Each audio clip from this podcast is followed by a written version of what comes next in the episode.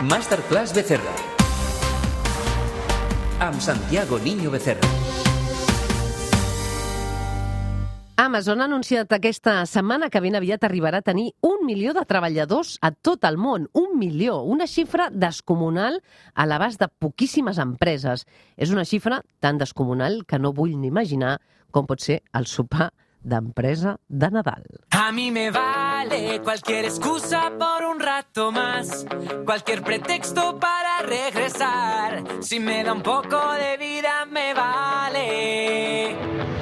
Santiago Niño Becerra, bona nit, benvingut un cop més al Revolució. Què tal, com estàs? Què tal? Bona nit, bona nit, Chantal. Molt bé, t'agradaria anar al sopar d'empresa d'Amazon amb, amb tants treballadors que té? O què? T'agradaria anar-hi? però, però, perdona, a- un milió és a tot el món, eh? Sí. No, no és que estiguin en un lloc, un ja milió. sé, ja ho sé, però I a imagina't... cada, a cada lloc suposo que faran, si ho fan, un sopar d'empresa. clar, però... De tota manera- Imagina't anar al tota sopar manera- d'Amazon als Estats Units. Bé, No, no, no ja, t'agradaria sí, però- treballar a Amazon, no, Santiago? Eh, sí, però, a veure, de tota manera permeten, permeten una, una matització perquè jo crec que aquesta notícia se li ha donat un, un caire...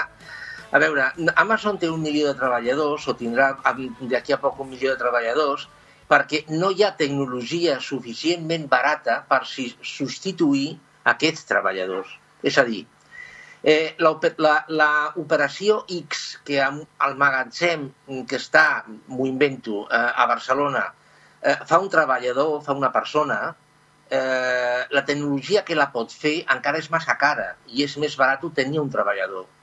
Quan aquesta tecnologia baixi de preu, aquest treballador anirà fora i posaran tecnologia. És a dir, no, no és que l'objectiu d'Amazon és tenir molts treballadors. L'objectiu d'Amazon és tenir els costos més baixos possibles. Clar.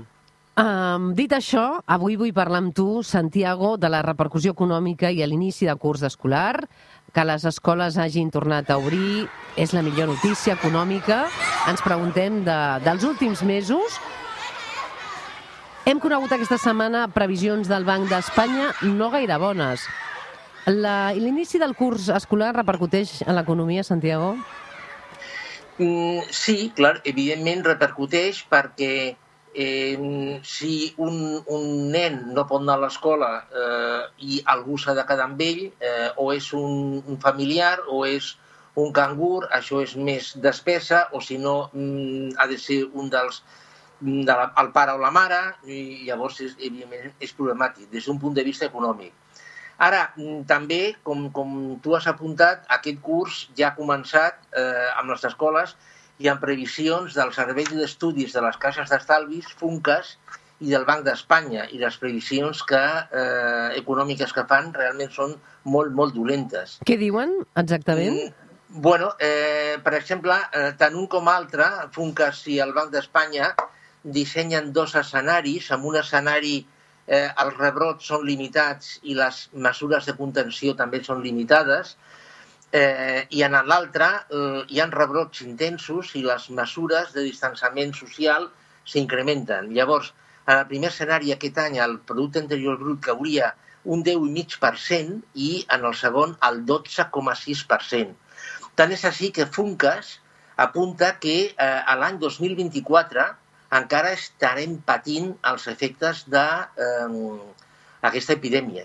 Realment són unes previsions molt, molt dolentes, perquè a la vegada també, tant un com altre, tant el Banc d'Espanya com el Servei d'Es- d'Estudis de les Caixes d'Estalvi, diuen que l'economia espanyola s'està de, despenjant de l'evolució a Europa. És a dir, l'evolució a Europa és dolenta, però és menys dolenta que a Espanya. És, és, és preocupant, realment és preocupant. Recordem als oients eh, que Funcas és la fundació de les caixes d'estalvis que ha fet aquesta previsió que hem conegut eh, aquesta setmana, que per cert també és una previsió que em deies, aquesta durada de la crisi, Bill Gates també ha parlat aquesta setmana de quan anirem a la nova normalitat i també parla de que no la recuperarem fins d'aquí un any i mig. Bill Gates deia que fins a mitjans del 2022 no recuperarem aquesta nova normalitat. Per tant, la confiança, Santiago, és la paraula clau no? pels pròxims mesos, o amb confiança, eh, no, si no hi ha confiança no anem enlloc ni en l'economia ni en res de res. Totalment d'acord. La confiança és, és l'eix eh, so- que, que sustenta absolutament tot. En relació amb la confiança, també avui eh, a l'OCDE ha tret un informe eh, i eh, un informe que té, que té 15 pàgines i eh, la paraula incertesa surt 22 vegades. E, e, és a dir, que la OCDE veu, evidentment, moltes ombres amb l'evolució de l'economia mundial. Recordem que eh, Espanya és membre de l'OCDE. La situació realment, Chantal, és, és, no està clara, no està gens clara. Uh -huh. Com deies, eh, a part d'aquesta dada de Funcas, el Banc d'Espanya eh, constata aquest alentiment de la recuperació econòmica a Espanya després d'aquests múltiples rebrots i la caiguda dels turistes estrangers. Per tant, tu segueixes mantenint les previsions pessimistes que ja has anat anunciant al Revolució. Sempre et diuen, Santiago, és que ets molt pessimista, no? I, i llegeixo que t'ho diuen a les xarxes, però la situació, ara per ara, mm, ser pessimista potser és el més realista que podem fer. A, a, veure, a veure, jo, jo eh, si agafem aquestes previsions del Banc d'Espanya de Funcas, és que en, en, en un escenari de eh, que no hi hagi una segona ona, eh, onada forta de la, de la pandèmia, que mm, les mesures restrictives siguin mm, suaus. És que mm, amb aquest escenari el PIB aquest any caurà un 10,5%. És a dir, és que la caiguda realment és molt forta. I l'any vinent la, la recuperació serà només d'un 7,3%. És a dir, que aquest rebot que farà a l'economia ni de lluny eh, podrà compensar la caiguda que hem tingut aquest any. A més, s'afegeix una altra cosa, i és que la deuta pública mm, s'estanca eh, entre el 115 i el 120%. Mm, recordem que Espanya va tancar l'any 2019 amb un deute públic del 95% del PIB, 95,5% del PIB. És a dir, que en un any, en un any Espanya eh, haurà augmentat el seu, el seu deute en més de 200.000 milions d'euros. És que realment estem parlant de, de, de xifres realment marejants, Chantal. Dades econòmiques preocupants i davant d'aquesta crisi també canvien els bancs. Hem sabut que, degut també a la competència de nous operadors digitals i a més a més per altres motius i per altres pressions, aquesta setmana la notícia de la fusió entre CaixaBank i Bankia eh, diuen que és el pas definitiu perquè la Caixa es gestioni des de Madrid. Què en penses d'aquesta fusió tan comentada aquestes darreres setmanes, Santiago? Bueno, a veure, Chantal, jo mm, sempre he dit que les fusions no existeixen, és a dir, tot són absorcions. Eh, el, que, el que està passant eh, amb aquesta història de, la, de CaixaBank i Bankia és que la Caixa està absorbint Bankia.